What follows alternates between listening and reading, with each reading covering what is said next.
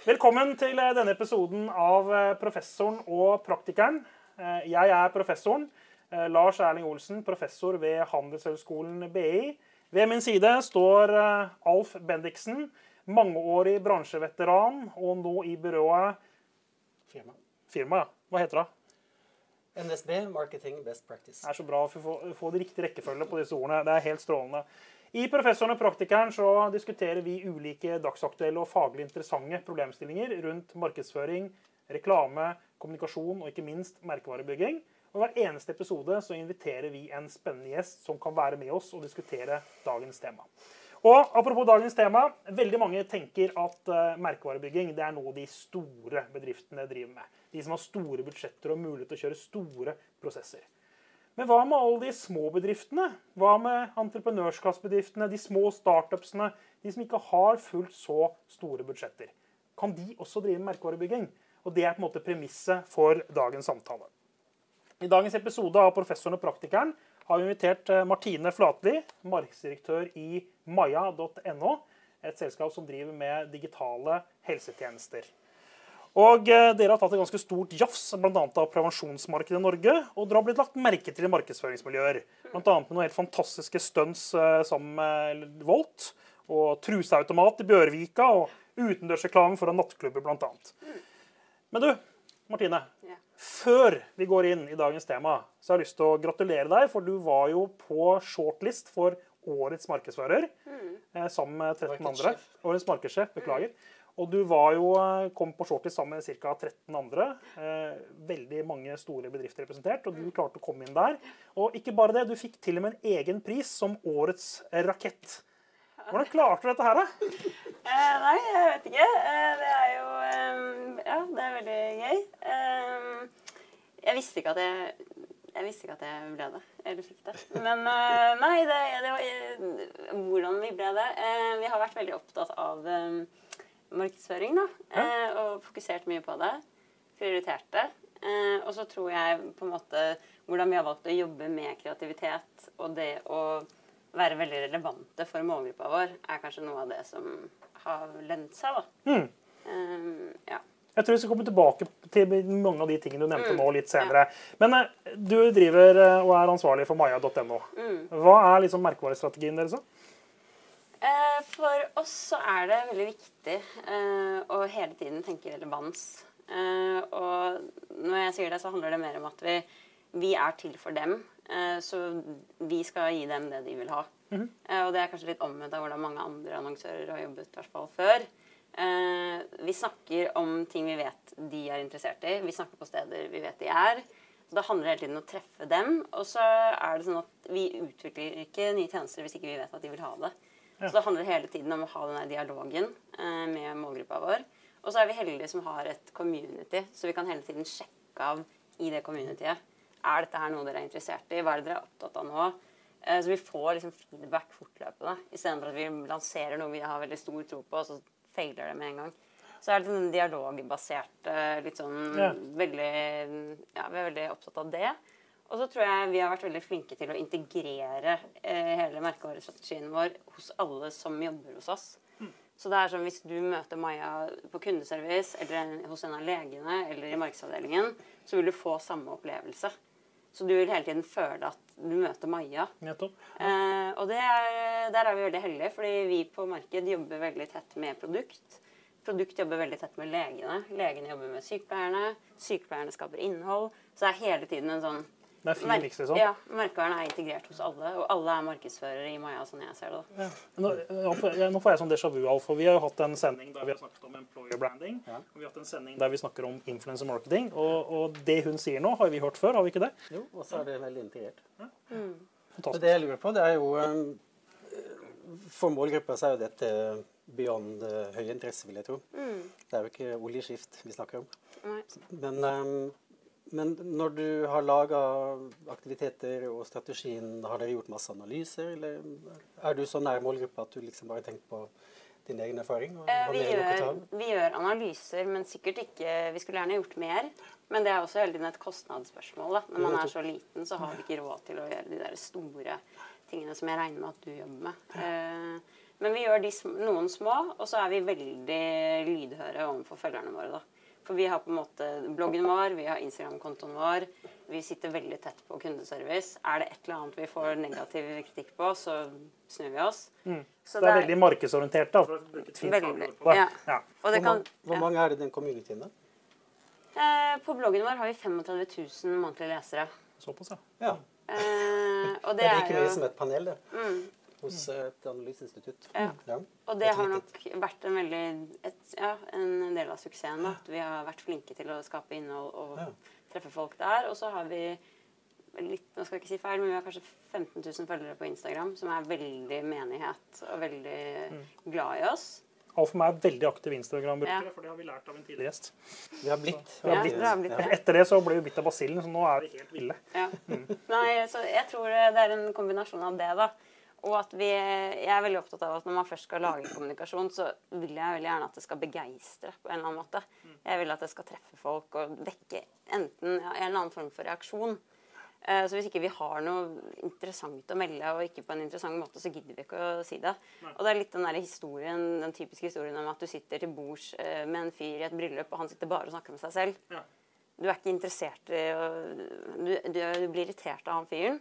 Og det er samme med merkevare. Hvis du bare skal sitte og fortelle om hvor fantastisk du er hele tiden, det er ikke interessant. Nei. Og vi vet at folk er ikke interessert i reklame. Folk går ikke rundt og tenker på merkevare til enhver tid. Veldig mange hater reklame. Veldig mange bryr seg ikke om merkevare før de er nødt til å mm, ta stilling til det. Så det er liksom, hvordan kan vi være en merkevare som faktisk gir folk eh, noe, da. Så jeg tenker sånn, Ofte når vi går på utendørs, eller de tingene der, så vil jeg veldig gjerne at folk skal smile eller le eller tenke sånn 'Å, det var fint', eller Jeg vil vekke et eller annet hos folk, da. Men slik du forteller nå, Martine, så, Ja. så virker det på meg da, i hvert fall, som at eh, Maja er veldig markedsorientert og opptatt av reklame, opptatt av kommunikasjon, opptatt av liksom å snakke med brukerne sine. Tror du, Er det, er dette vanlig i norske startups og entreprenørskapsbedrifter, eller er det litt spesielle?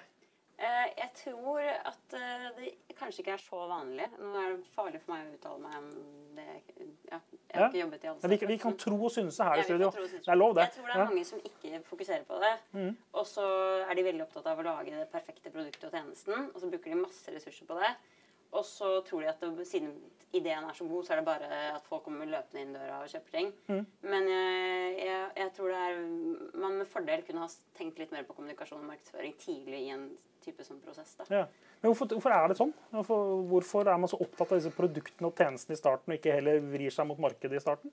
Eh, fordi nok de som kommer med disse ideene og tjenestene, ikke har den bakgrunnen og den kompetansen. Mm. Eh, og så tror jeg man tenker at markedsføring det er litt sånn vi slenger på til slutt. Ja, nettopp. Eh, det er noe logo og noe plakat, og så kommer kunden til å stille seg opp utenfor. Ja. Eh, men så er det jo ikke sånn det funker. Eh, så jeg eh, Men jeg tror nok flere i større grad eh, begynner å fokusere på det. Mm. Og det var litt som vi snakket om med Skipsted Vekst, at de er jo et godt eksempel da, på at ja. de går inn og hjelper mange startups med akkurat det her. Og Hva var forskjellen i Maja, da, siden dere åpenbart ikke har gått den veien, men da har mer gjort det riktig? da, Mm. Hva, hva, hvorfor klarte dere det? Det er vel fordi at jeg jobber der, da, og er opptatt av de tingene her. Det er årets rakett, vet du, så det er klart det. Ja. Nei, men eh, Og fordi at det, de som startet Maja, også har skjønt verdien av det.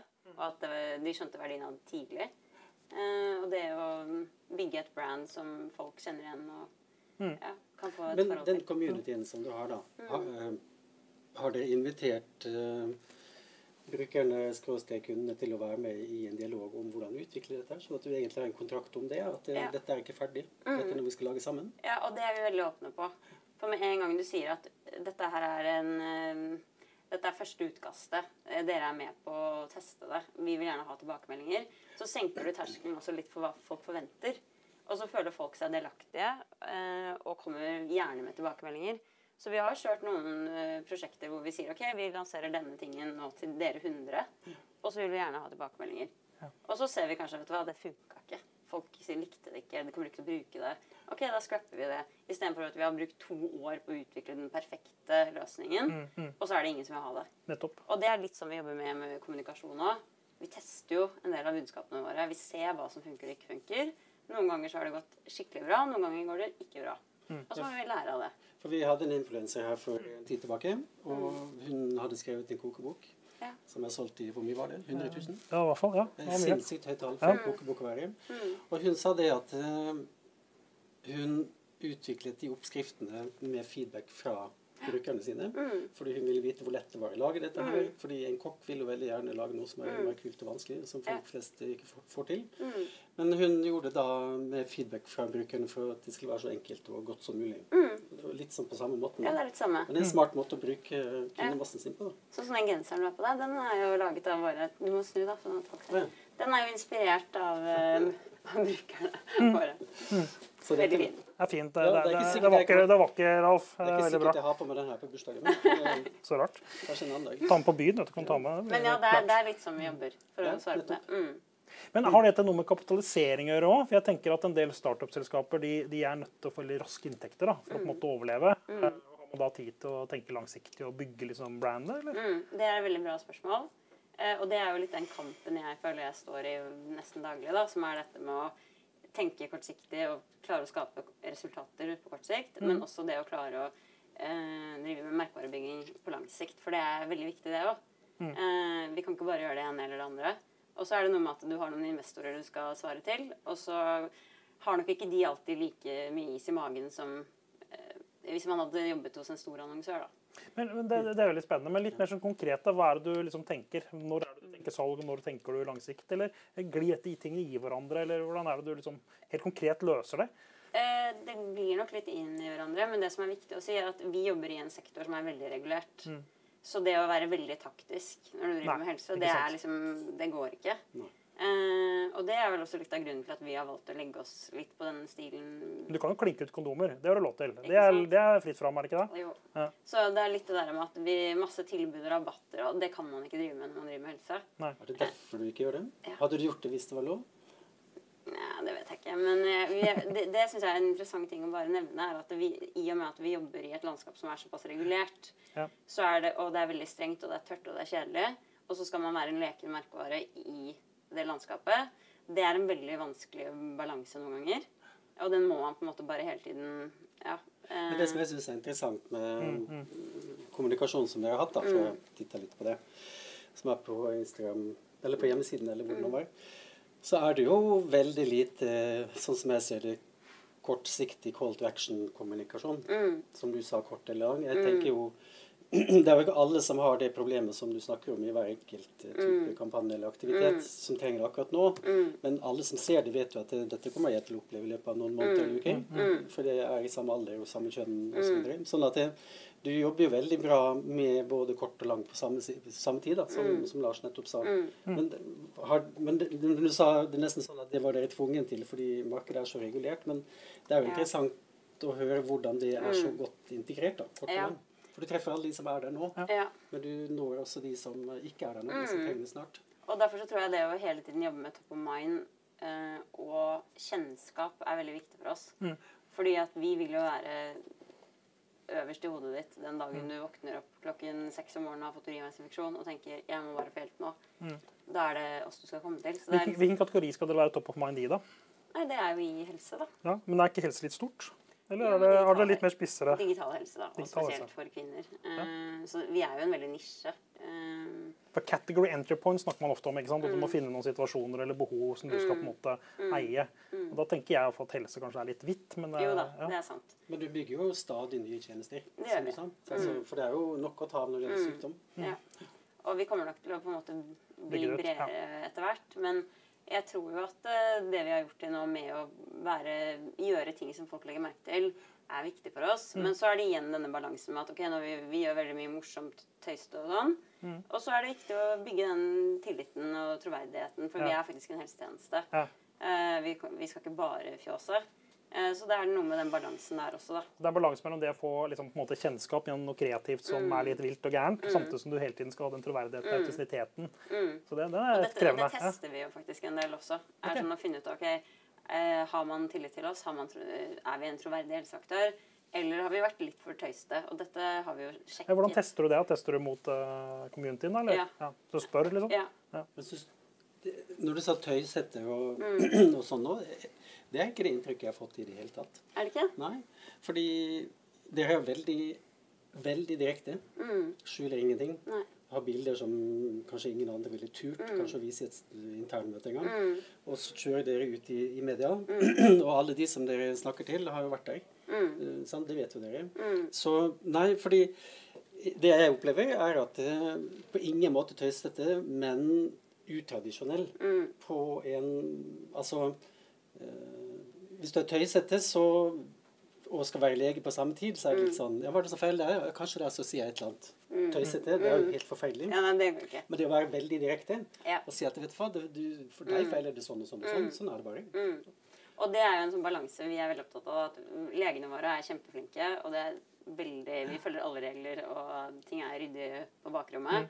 Men merkevaren kan få lov å være litt sånn freidig og modig og åpen, da. Eh, og tanken bak det er jo at man skal føle at man kan komme til oss med nesten hva som helst, og at det skal ikke være noe skam, det skal ikke være flaut. Så vår eh, misjon er jo å prøve å bryte ned tabu Bryte ned barrierer. Ja, ja. Eh, og Men er ikke det det som gjør at det skiller litt ut da? For det er ganske traust, dette helsevesenet. Ja, og dere er, kommer inn som en fargeklatt og Ja. snakker om ting som eh, Eller ikke om ting, men dere snakker Mm. om ting på en med riktig måte, en ærlig måte. eh, som kanskje ikke resten av helsevesenet er blir litt traustere, da. Absolutt. Ja, men Aleris ville jo ikke kjørt en uh, utendørskampanje på Hemsedalen med klamydia-test. Nei.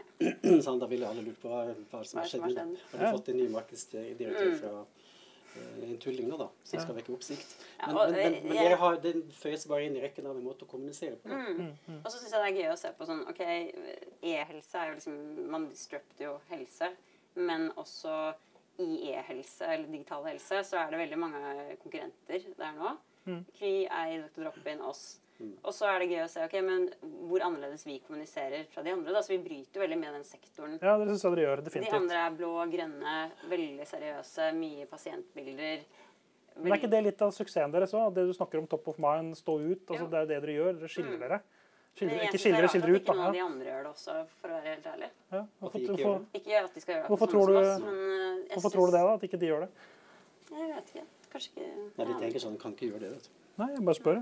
Jo, jeg, jeg, satt og, jeg satt og tenkte på en ting. Jeg, jeg, til med merkevarebygging i entreprenørskapsbedrifter. Eh, Så, så var jeg undersøkt litt i databasen, og så fant jeg faktisk en norsk eh, artikkel på dette her fra Henriette Skarderud og Elin Kubberød, som vi publiserte i Magma. Og det snakket om at i oppstartsbedrifter, entreprenørskapsbedrifter, så fulgte man en helt annen merkevarestrategi enn i liksom mer etablerte store bedrifter. Eh, Og dette er et rammeverk en som heter Sarasvati, men det er ikke så viktig. Men dette rammeverket sier at entreprenørskapsbedrifter driver ressursdrevet merkevarebygging, mens de store etablerte aktørene driver målstyrt merkevarebygging. Og Forskjellen på dette er at målstyrt da er sånn veldig sånn klassisk sant, med brief og planer og markedsmål. Mens ressursdrevet merkevarebygging det er hånd til munn. Det er liksom, Hvis vi får penger, så gjør vi noe. Og så øh, ser vi om vi fikk effekt, og så gjør vi noe annet. Er Mye mer litt sånn uh, gründerbasert på hele virksomheten, også på markedsføringen. Er dette noe dere kjenner igjen i, eller er, det, er dere mer klassisk målstyrt? Jeg føler Når du beskriver det, så tenker jeg nesten på en blanding av de to. ok, ja. Eh, fordi ønsket og planen er jo det første du beskriver. Ja. Men så er jo realiteten litt som den andre innimellom. Ja. Man er nødt til å liksom snu seg kjapt. Hva er det vi egentlig har råd til? Eh, og det er jo sånn, Vi vet jo ikke Har vi penger om et år? Ja. Ja, jeg, det jeg tenker da, jeg, jeg sitter og lurer litt på, basert på det du fortalt, at den, det er litt av suksessen deres. At du, du driver med merkevarebygging i en entreprenørskapsbedrift som egentlig er den samme måten som en stor bedrift ville gjort det på.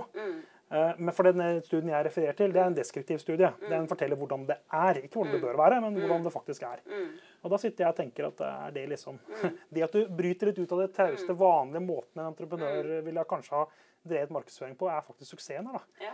At du tror selv at du orkler i hodet, selv om du ikke er det. Det kan jo sikkert være fordi jeg har jobbet med mange Ja, som. Orkla og disse opp gjennom årene. da. Men eh, nei, jeg tror det er, vi har alltid langsiktige planer Mm. som vi håper at vi får gjennomført. Og så må vi ta ting litt kortsiktig innimellom. Så jeg er ikke noe redd for å avvike fra planene våre så lenge det er en god grunn til det. Men jeg har alltid en plan. Mm.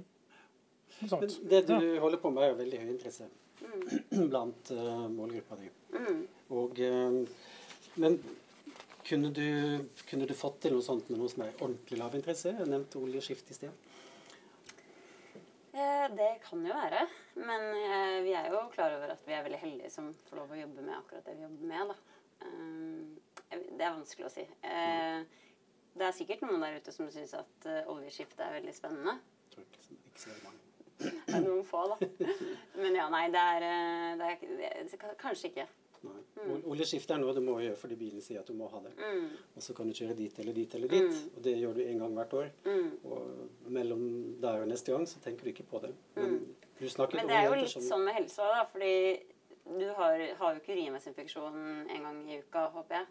Ja, da har du i hvert fall et problem. Mm. Så det er litt sånn at vi er jo ikke i folks bevissthet før de på en måte trenger oss virkelig. Mm. Og så har vi, ja, vi har det community, og folk finner mye god informasjon og har ofte dialog med sykepleiere og sånn hos oss. Mm. Men allikevel så er det ikke Det er ikke melk og brød. Du trenger oss ikke hele tiden. Og det kan være en utfordring. Ja, men du er jo en, altså, du erstatter jo en Si en gammel mannlig lege på 62 år, da, som du ikke har så veldig lyst til å gå og snakke om underlivet til. Mm. Og så møter du en eh, Du skriver på en datamaskin, og så får du noen svar, og så får du det du trenger, så koster det lite, så er det tilgjengelig. Du har disrupta en tjeneste som er har vært like i hundrevis av år, og så gjør du på en måte som er bare sånn Det er null terskel, ikke sant. Nei, jeg lurte på om du kan overføre måten du, måten du jobber på, til noe som er ordentlig lav interesse, fordi det du har, er såpass Det er kroppen min og livet mitt og Mm. Nei, det er, blir nok kanskje vanskelig. Ja. Men jeg tror jo at alle med fordel kan eh, finne måter å posisjonere seg på og være mer distinkte. Eh, og være litt mer relevante for målgruppa si. Mm. Fordi det der fokuset på oss, oss, oss, det tror jeg folk er litt lei av. Man må heller tenke hva er det som hvor altså, er touchpointet? problem, eller ja, hvor er touchpointet mellom liksom, Ja. Her er målgruppa, her er merkevaren. Hvor er det vi kan finne noe relevans? Og så kan vi ta utgangspunkt i det. Har du nok eh, budsjett, eller? Eller skulle du gjerne hatt mer midler? Eh, Nei, jeg tenker at det går bra, men man har jo alltid en drøm om å på en måte få Ja. ja, enda friere tøyler sånn sett. Men, eh, og man har alltid en drøm om den dagen man skal gå på med en ordentlig film. Ja. Det er jo det som Så det er film du skal bruke penger på? Hvis du hadde hatt nok drøm. penger? Ikke bare meg, men eh, det er mange som drømmer om den dagen vi lager vår ordentlige første reklamefilm. Ja, Det har jeg lurt på, fordi jeg tenkte før vi møttes i dag sånn Mm. OK, nå er det blitt en gigasuksess, og du har ikke 39 000 i basen din, eller hva det var, men du har 390 000. Mm. Lansert i Sverige, Danmark, Tyskland, skal inn i et eller annet nytt land. Mm. Eh, Du har jo en oppskrift som funker veldig, veldig bra. Mm. Så hvorfor begynne å jobbe mer tradisjonelt med typiske massemedier og sånt, når du, når du har en såpass verktøykasse som du har? da? Eh, Jeg tror For meg går det mye på det å bygge mm, emosjoner rundt eh, merkevaren, egentlig. Og det er lettere å gjøre med film, Med film? ofte. Ja. Eh, og så er det noe med selvfølgelig penetrasjon at vi vet at TV funker ofte sånn sett. Mm. Eh, men hva? gruppa di er jo ikke så lett å nå på tradisjonell TV. Nei, ikke nødvendigvis. Men eh, det å lage fin film, det, det har jeg fortsatt troa på. Mm. Eh, Men jeg er veldig glad i alt som er eksperimentelt og eh, annerledes. Mm. Så det er ikke sånn at vi skal bli en vanlig A4-merkevare. Men eh, en fin kombinasjon og miks. Men du har jo en grei bok for å etablere et nytt marked, da. Ja, men så er det også litt sånn at ville det, dette fungert i et annet marked? Det Jeg tror jeg svarer på det ganske sikkert ja. Ja. Mm. Nei, det, det vet jeg ikke. Forskjellene fra land til land er mindre enn du tror. Ja, tror du det? Ja. Jeg har liksom tenkt at den er ganske stor. Jeg. Du kan ikke begynne med dette i Iran, men uh, i Nei, men det hadde vært drømmen, da. Om, altså, en av Jo, jo, mine største drømmer er jo å få Iran, lansere uh, Maya i landet hvor kvinner faktisk Mm. har mye større utfordringer enn her. Er det en visjon for dere? Ja, for meg i hvert fall. Eh, Ja, og mange som øver hos oss. Mm. Polen hadde vært helt Mm. Det hadde vært den, er nær- nærmere enn Iran. Mm. Men du har vært, vært litt inne på det. Rundt dette her med, Du snakket om posisjonering, top of mind, det å være litt stå ut og være annerledes. Mm. Ikke være en A4-merkevare, tror jeg du sa akkurat nå. Men uh, er kreativitet, hva med det? Er det liksom spesielt viktig? Ja. Veldig viktig. ja, hvorfor det? Eh, fordi at det begeistrer. Det vekker følelser hos folk. Ja. Og det er sånn du får med, blir lagt merke til. Kan ikke du fortelle om noe av det kreative dere har gjort? da? Eh, jo, er det noe spesielt du tenker på? Nei, jeg er nysgjerrig bare. Altså, jeg, jeg har notert uh, ting som jeg og uh, Alf har lagt merke til. er jo uh, tørre truse på badestrand, en Ja. sånn automat. Vi la merke til klamydia-test i Hemsedal, som vi allerede har nevnt. Mm. Uh, den kondomer på nattklubb. Ja. Men jo noe mer, eller Ja. Fortell meg gjerne mer detaljer om dette, for vi har jo bare sett det sånn utenfra. Vi har jo gjort vært veldig opptatt av å fokusere på kreativitet. da. Og så kan man jo si hva er kreativitet. Men eh, nei, vi har vært opptatt av det og føler vel selv at det har eh, at det har skapt god effekt. Og så er det jo igjen da, at alt kan jo ikke være Men Hva er kreativitet for deg, bare for å høre din definisjon? Nå vi spilte en hel episode med, Å nei, med Janne. Lysøen i Ja, så vi, så vi, har, vi, vi vet litt om det nå, vi har lært litt. Men uh, hva tenker du? Det er vel en sånn formel at kreativitet er å ta to, eh, to eksisterende ting, men også tillegge det en, Ja? Eh, ja, en ny måte å sette det sammen på. Det er vel en sånn form, formel Ja. som han Fredrik Herén er veldig opptatt av. Ikke sant? Altså, som vi snakket med, med om den gangen, så snakket vi mye om det å liksom, det være annerledes, men samtidig relevant. Mm. ikke sant? Divergent, relevant diskusjonen, og hele tiden være innenfor. da. Og det har jo du også snakket om nå. Ja. Men uh, fortell litt om noen av de der eh, stuntene dere har gjort. da. Har alt, Ja. alt fungert like godt, eller? Noe som ikke har fungert? Ja, vi har, mm, En del har fungert veldig godt. Ja. Eh, noe har ikke fungert så godt. Eh, vi har hatt Jeg tok med en ting som jeg syns Ja, var kult. greit å vise. Eh, for det er alltid liksom, lett å stå og snakke om alt som gikk bra, men det er jo alltid morsommere å se på alt som ikke gikk bra. OK. Eh, så det her var en kampanje vi lanserte i fjor.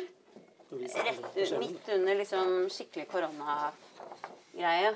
Eh, for vi syntes det var veldig morsomt med å liksom snakke om pollenallergi og snufsing og nysing når det var eh, lockdown-stemning. Ja, ikke sant? Ja, ja. Eh, og vi skulle lansere allergi. Eh, og da Det gikk ikke så bra. Det Nei. var veldig, det var, jeg tror ikke det var noen som skjønte den linken engang. Nei. Nå ville man kanskje skjønt det, men det her er en, en stund siden. Ja, jeg skjønner. Ja. Så det var liksom Det var en skikkelig failure. Og så har vi nei? hatt en eh, annen kampanje vi kjørte, hvor vi fikk masse negativ tilbakemelding fra hestemiljøet, faktisk. OK. Ja, og da måtte vi bare trekke Hva var det du gjorde da, når hestemiljøet Da skrev vi vel et eller annet om Er du glad i å ri? Vær en testjente. Testjente, ikke Test, hest. ja, testjente for klamydia, da. Ja, sånn. Så det var jo litt, kanskje litt Da tok jeg linken. Ja, ja. Litt på kanten. litt på kanten. kanten. Ja. Eh, men da fikk vi hele pennyklubben etter oss, så da måtte vi bare trekke, trekke den. Men jeg testa ikke den mot uh, communityen deres først, da. Nei, vi gjorde ikke det, faktisk. Nei. For det var bare en liten ting. Men eh, nei, vi er jo opptatt av å prøve nye ting og mm, ja, eh, prøve å begeistre. Og være der målgruppa vår er. Og prøve å Men jeg tenker jo at det kreative som dere gjør, er jo kontekst. Mm. Og eh, hva jeg forbinder med denne kategorien fra før. Og så snakker dere på en måte som er helt uvant. mm, For det, så, sånn snakker ikke leger og helsepersonell. mm, Pluss med kontekst så mener jeg den, den i Hemsedal og Mm. tørr truse og alt det der sånn. Du kunne ikke satt den opp på Karl Johan. Nei, nei. nei. Så det er jo Det er der og da. Det er der og da. Men det jeg har lurt på, det er jo eh, hvordan Altså hvordan OK, du gjorde det på den badestranda, men hvordan ble det noe stort? Er det, jo da på litt, Instagram? ja, eller? det er jo litt det der å på en måte uh, gjøre det for noen få, men vise det til alle. Mm -hmm. uh, som er en sånn kjent uh, måte å gjøre det på. Hvordan gjør du det? da? Hæ? Hvordan viser du den til mange? Nei, det er jo da at du filmer det du har gjort, og så deler du det. Ja. Og så snakker du om det. Eh, som, nå har jeg jobbet veldig mye med sånn experiential kommunikasjon opp igjennom. Og det er jo en kjent metode, men jeg tror at den fortsatt funker. Fordi den eh, gir en følelse av at det du har gjort, er mye større. eh, og er egentlig for flere enn det det var, da. Men nøkkelen er vareprat. altså skal skje en elektronisk spredning. da, Det er det som er liksom på en måte Sånn clouet for at det skal gå fra som du sier, bare at det var de eh, si 100 som oppdaget det den dagen i stuntet, til at det her blir Mm. 30 000 som syntes det var kult at dere Ja. gjorde det. Ja. Nettopp. Så akkurat det Ex on the Beach øh, på Hemsedal, øh, hvor vi ga bort gratis klamydiatester til alle i Hemsedal Det var jo ikke veldig mange i Hemsedal som Nei, nei. kjøpte eller fikk en sånn klamydiatest. Eh, men det var jo veldig mange som hørte om det. Og det som også var lurt med det stuntet, var jo at alle disse Ex on the Beach-deltakerne de syntes jo dette var veldig spennende og gøy. Så vi tagget jo de, og så begynte de å tagge oss, og så bare Ja, ble det en stor seg, ja. Ja. Ja, Men du har jo en ganske interessant oppskrift, som, som jeg tolker det nå. da. For du jobber med et av byens beste byråer. Nå sier jeg Norges beste, da, for de som ikke bor i Oslo. Men mm. Morgenstern. Eh, og eh, og så gjør du veldig mange ideer. Og det å jobbe med veldig mange nye ideer med byrå, det er jo ikke akkurat billig. Men det er billig produksjon. Og så høres det ut som det er nesten gratis spredning. Mm. Er, det, er, det, som- er det det som er planen? Det er vel ikke noe bevisst plan. Det er vel mer sånn at vi har veldig godt samarbeid med det byrået og kjenner de veldig godt. Og så er det Vi er fleksible. Begge er raske på mm, ballen, så er det liksom lett å iverksette ting. da. Det er ikke store beslutningsprosesser. Det er, ideen kan komme enten fra dem eller fra oss, og så blir det produsert, og så er det ute eh, etter to uker.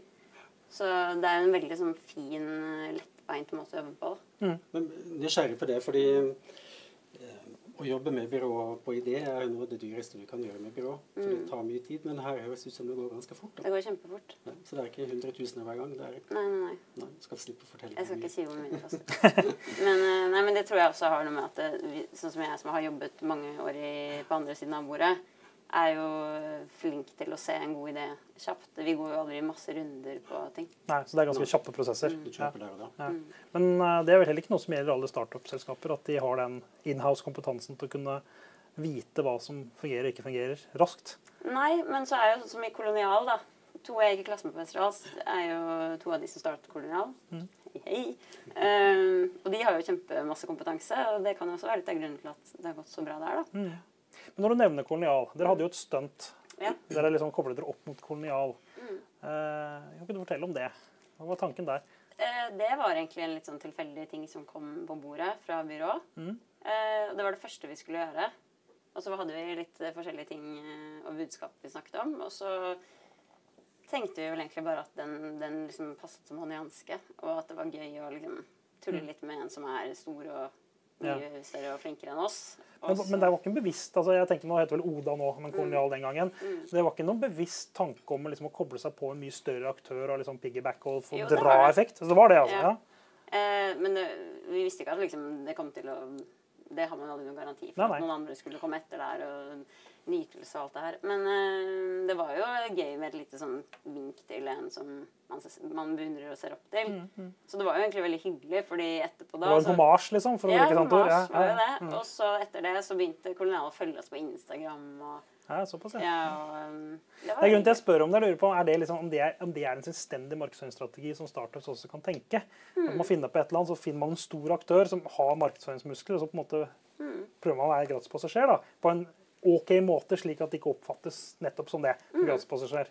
Ja, jeg tenker jo ikke at alle skal gjøre det, men hvis det er relevant og det passer, så hvorfor ikke prøve det? Ja, spennende. For det er liksom spennende idé. Mm. Ikke så ofte man ser, liksom. Men det å jobbe med ordentlig byråpartner, da, sånn som uh, sannsynligvis en startup egentlig ikke har råd til vil heller gjøre det sjøl, eller snekre sammen noe, eller sette i hvert fall ikke av penger til å tenke god idé.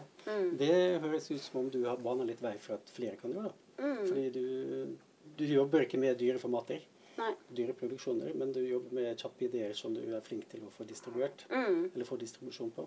Ja, og så tror jeg det handler om at man Jeg bare tenker som veldig mange tenker at man skal bruke mediebyrå hele tiden. Ja. Eh, når man er så små som vi er, så blir det veldig fordyrende mellomledd. Så det er jo det er bedre å gjøre sånne ting selv. Så kanskje man kan lære seg litt mer hvordan man gjør det, da. Um, og ja, det å finne en bra byråpartner er jo selvfølgelig kjempefordel. Det virker som du bruker budsjettene veldig målbevisst. Sånn, du kutter der du kan, og bruker det på det du Ja. må. holdt jeg på å si. Ja. Det er jeg som ringer Claire Ja. Mm. ja, ja, men det er, jo, det er jo sånn det er. Hva tenker du, altså, har dere, Nå er jeg litt usikker på hvordan dere eierstrukturen er, men uh, har du vært en del av noe sånn større merkevaremiljø, eller er du liksom litt sånn ensom eh, fugl i Maja? Merkevaremiljø. Eh, hva tenker du? Nei, jeg tenker, Det jeg lurer litt på, da, altså for å trekke det litt lenger, er det liksom, når man skal starte en startup eller et eller annet, og man skal drive med markedsføring og har skjønt at markedsføring er viktig, mm. er det da en fordel eller ikke en fordel å være en del av et større miljø? Mm. Det kan jo godt være at det er en fordel å være en del av et større miljø. Eh, det vet jeg ikke. Vi er jo ikke det. Nei? Eh, men eh, ja, det å være så liten og fleksibel som vi er, gir jo noen fordeler, det også. Det var det jeg tenkte på, for sånn som Ja. du snakker om det, så har jeg den følelsen at det er en fordel at du ikke er en del av et veldig etablert miljø. om at slik gjør vi det, og Her er liksom dreieboka for å bygge merkevarer og prosesser som, som ofte store bedrifter naturlig nok får. Ja. At, at du har den der muligheten til å flekse og styre litt som du vil. Absolutt. Så for meg er jo det veldig positivt. Og så er jeg veldig glad for at øh, jeg har fått den tilliten til å ha det mandatet.